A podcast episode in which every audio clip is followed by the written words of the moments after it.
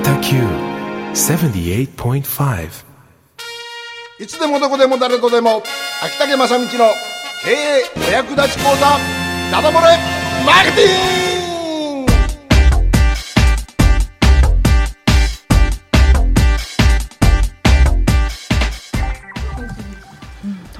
さて、えー日本で一番滑舌の悪いパーソナリティ秋竹正道がお送りします。このいつでもどこでも誰とでも秋竹正道の経営お役立ち情報ダダ漏れマーケティングのお時間でございます。はい。ありがとうございます。さて今ですねこの初めてこのラジオをねお聞きになった方はですね、えーもしかしたらですねたまたまつけて聞いたって方がいるかもしれません。でそういう場合はですね、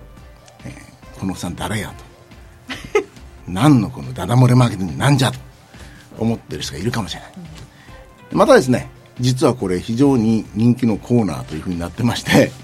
もうこの番組のこの時間だけ聞くっていうふうに待ってる方もいるかもしれない。かもしれない、まあこれから両方の方にね、えーぜひぜひファンになってもらいたいっていうことなんですけども、えー改めてですねこの、えー時間がですねこの度今まではあの秋竹正道の、えー売れて売れて仕方がないマーケティング講座ってことをやってたんですが、おかげさまでこの新年の番組改編というかプログラムの変更 によりましてこのダダ漏れマーケティングという名前になってですね、はい。お伝えすることになったんです。でこういうふうな今番組タイトルなんていうんですかね。こうアタックっていうんですかあのタイトルこうダダ漏れマーケティングとかいう録音されたのが流れるじゃないですか、ねエコーとかかかってたりしますようん。ね、ああいうのができてきたりしてですね、ちょっと真面目に、あのーしっかりと15分から20分間喋、喋りなさいという状態がありました。新しいコーナーでございます。ごめんね。緊張して喉が。あの何ちょっとあのイガイガ虫やないで。昔言いましたよねイガイガ虫え、な、なんていうの？えへん虫えへん虫えへん虫がちょっと入ってしまう意地悪してるんですね。さあ、あの、この番組、関門独立共和国は、えー地域の活性化を目指した商店街応援番組ということで、2年ほど前に始まったんですが、えー毎回、えー夕方6時頃から商店街とか、あるいは小さな商店、また中小零細企業に役立つマーケティング、すなわち集客ですね。お客様集め。つまりは、えー商売繁盛のネタをお届けしてまいりましたが、えーこのコーナーちょっと本当に格上げされまして、はい。これから、えーダダ漏れマーケティングということで真面目なコンテンツとして やることになったんですが今日のテーマなんですが今からですね、はい。今日から13回にわたりましてワンクールで、えーこの秋田県正道の小さな会社が地域密着型のブランドを作る作り方っていうのをお伝えします。おすごお。これ地域密着型ブランドっていうのは、このほら北九州のは北九州の中で、その例えばね干物屋さんってどこで知ってるって言った時に、そのあ干物屋だったらどこどこでしょう、とかね。お店こういうものを売ってるお店どこがある？って言ったらあここでしょうみたいな、えーその地域の中でしっかり根付いたブランドを作りましょうっていうことなんですね。で、えーこれをですね13回にわたってやるんですがこれは全て私がやってきた要するに時事画とか、えそれから文字工のえー街づくりでやってきたことばかりの、えーマーケティング手法、えーについてお話をさせていただきますで今日はその全体像またですねなぜこのブランド作りっていうのをこの13回にわたって、えーやるのかという意義をですね狙いというかはい。その辺のところ、真面目なところを お話しさせてもらいたいと思ってるんですが、いわゆるズバリ、いかに早く自分の商売をこう、商売を繁盛させて、地域の活性化に貢献できる企業になるか、えこの視点でございます。この番組は地域の活性化を目指してまして、特に商売人がいち早くとにかく自分とか商売繁盛してそしてその余力でもって町に貢献すると、えーそういう、えー、善のこうスパイラル循環が生まれてほしいということであえてこの13回で、えーとりあえず秋田県の持っているものを全て出そうと。素晴らしい。え？すごい、すごい？かねうん。はい。なかなかねできなないこかなかとですよね言っちゃっていいんですかって感じですけど。ああ OK ですよ、もう言っちゃって。まあためにで。はい。うん。うん、今までねでもそういうふうなことで実はこうマーケティングの話してきまして、でなんでこう言えるかというとえ私の会社がすっごい会社かというとそうじゃないんですけどまあそれなりに、えー商売しながら、えー、街づくりもやってきたし、それから私と一緒に勉強してる人たち勉強会グループはみんなやっぱりしょあのそれこそ潰れそうな会社がね、復活してこの同じようなこと今からね13回にわたって喋ることをやって、みんな繁盛店になってるんですよ。ここ数年で。そして今や街づくりに一生懸命なってるとかいう人多いんですだからそのみんながやってきたことをお伝えするだけですから、あの言う人が秋田家であろうがバナナマンであろうが誰であろうがそのノウハウとそれとは別ですからノウハウのいいとこだけ取ってもらえればね、いいんですよね。でまあ、あの要するに13回にわたってこういう、えー中小企業が あのブランド化地域の中でブランドを持つそして高収益企業になる方法をお伝えしますので、えーそれをぜひですね今度は、え今こういう世の中が混沌とした状態ですからまたそして街も疲弊してますし、え活性化が望まれるところですからそれに向けて新たにそのノウハウを活用してくださいということです。えまずは自社のブランド力を高めることで高収益企業となり、その実践的経験を積むことがすなわち社会貢献におけるリーダーとしての資質になりうると私は思っております。わかりますかね？こう自分の会社がほら、良くなってる家庭の中でね、いろいろ実験するじゃないですか。その、要するに経験するでしょ。経験したことが、その経験値が街に出たときに、あこういうふうにすれば街の PR もできるしイベントも成功できるし、というあの自信も生まれるし それがやっぱりリーダーとしてのこう資質になるんだっていうことですね。さあじゃあですね、えーブランド力をつけるということはどういうことかと言いますと例えばその地域証券において多くの信者のようなお客様を持つということです。でこの番組では以前から何度かこうご紹介してるんですが信者のようなお客様というのはどういうふうなお客様かと言いますとでそれぞれの会社にそういうふうになってもらいたいんですが、かなり理想がありますけどねあのジジアの例を言いますとどのようなお客さんが見受けられるかと言いますと4つ特徴がありまして現象的特徴があって1つは定期的にジジアの干物を食べないとどうか ある？あるねで2番目がえジジアのことを人に話したくて話したくて仕方がない、うん。で3番目がジジアの売り出すものは何でも欲しくなる、4番目がジジア以外の干物屋の存在が信じられない。信者ですね。信者ですね。ね、でこういうふうなお客様をたくさん自分のお店で作っていきましょうっていうことなんですね。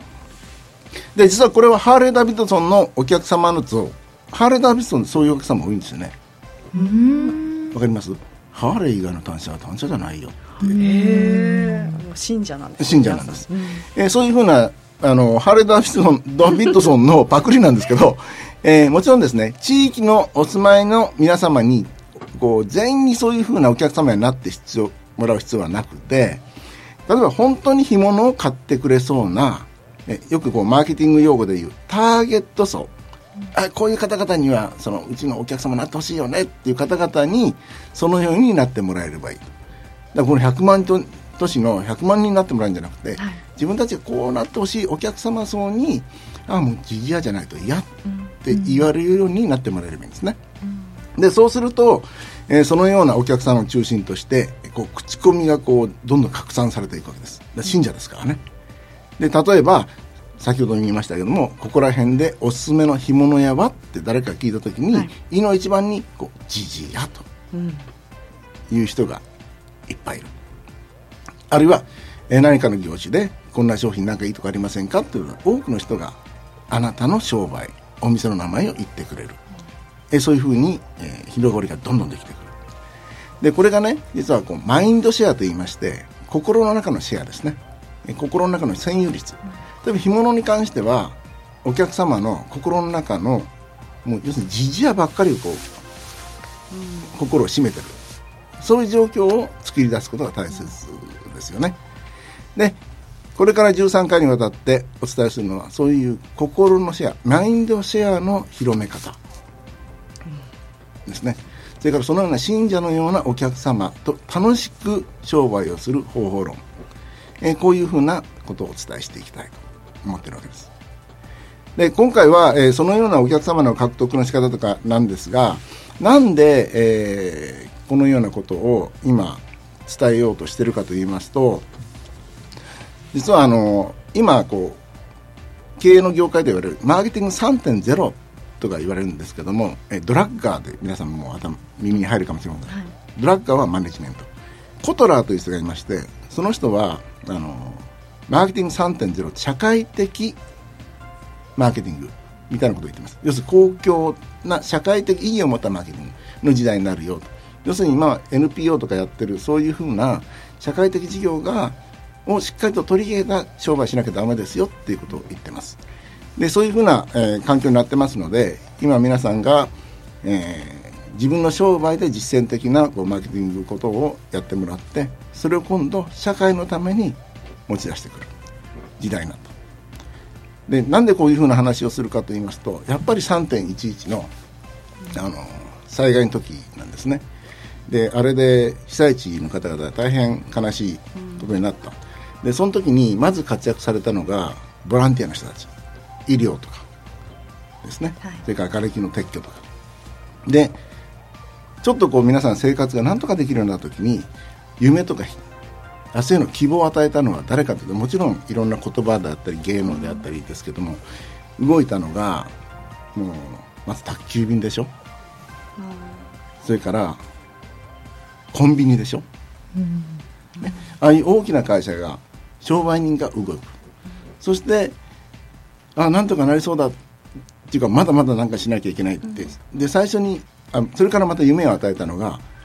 ちいちゃなほらそこの被災した商売人の方々が仮設店舗作ったり、うん、それ店作ったりだったでしょ？で実際いろんなボランティアがあるんですけど商売人が動いて目に見える形で商売を始めるっていうことが、いかにこうその町にこの光を与えるか希望を与えるかっていうことだったと思うんです。であの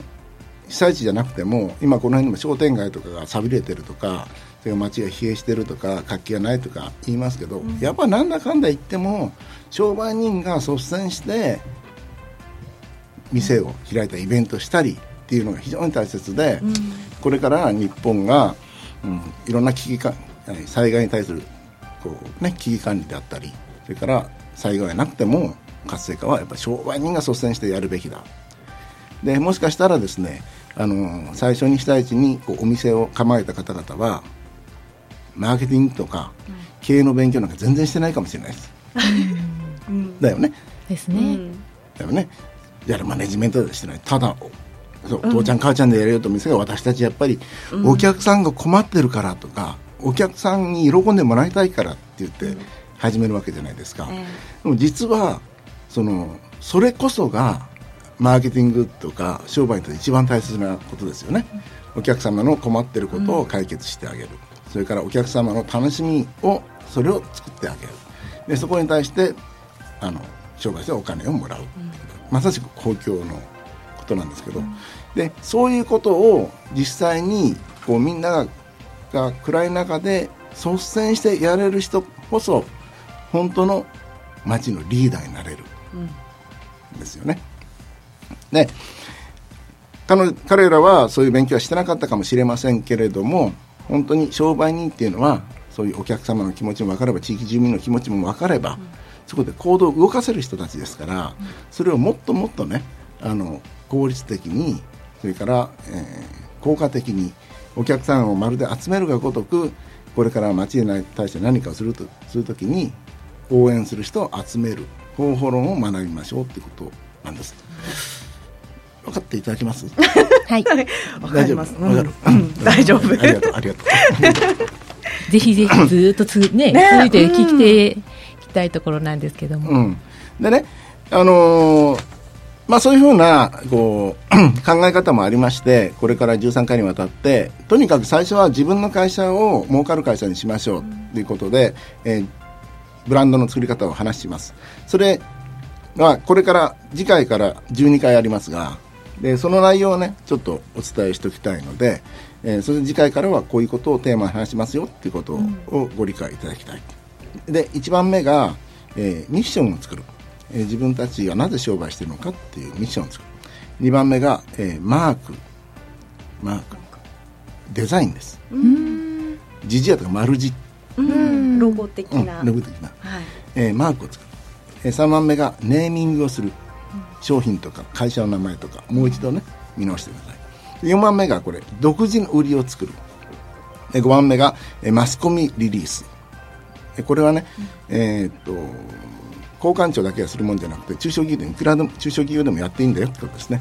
でマスコミリースとそれからトップ営業もう社長がですね橋本知事のようにガンガン出ていくっていう形で、で6番目が、えーお客様の声を集めましょう。7番目が名簿を作りましょう。8番目が、えーお手紙を書きましょう。9番目がストーリーを作りましょう。10番目がイベントをやりましょう。で一番最後の11番目が、えーこの12過去12回10を振り返っての復習という形で行いたいと思います、えー13回にわたってですね、えーやっていく、えーコーナーになります。それからこのコーナーはですね、あのーしっかりとコンテンツとして残しますので後々インターネットで聞くことができます、はい聞くことができます、聞き逃してもあーっていう時あもう一回聞けるんですね。うんそうですね。でなるべくですね、えーいろんな紙とかですね、えーそういうものにも落としまして、えーコンテンツとしてご準備したいと思います。もちろんあの紙とかになりますと多少ね、えー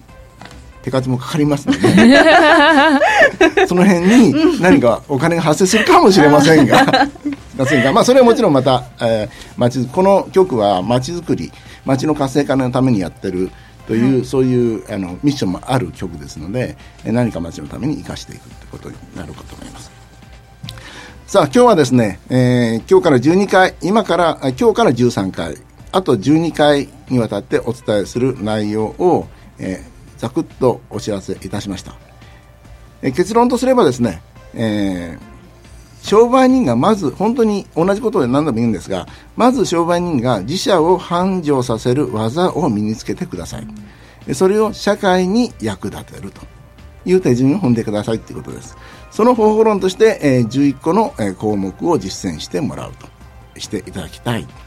それが信者のようなお客様につながりそして、え例えば干物といえばジジヤえー何々といえばあなたのお店。と言われるブランドが出来上がり繁盛する元ですよってことですね。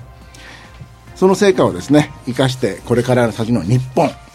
えーどんな環境の変化またもしかしたらこう政治の変化とかでね、システムが変わるかもしれませんけどもどんな状況になっても自力で繁盛しそしてこう自分たちの力でより良い街を作っていくというそういうものに生かしてもらえればと思っております。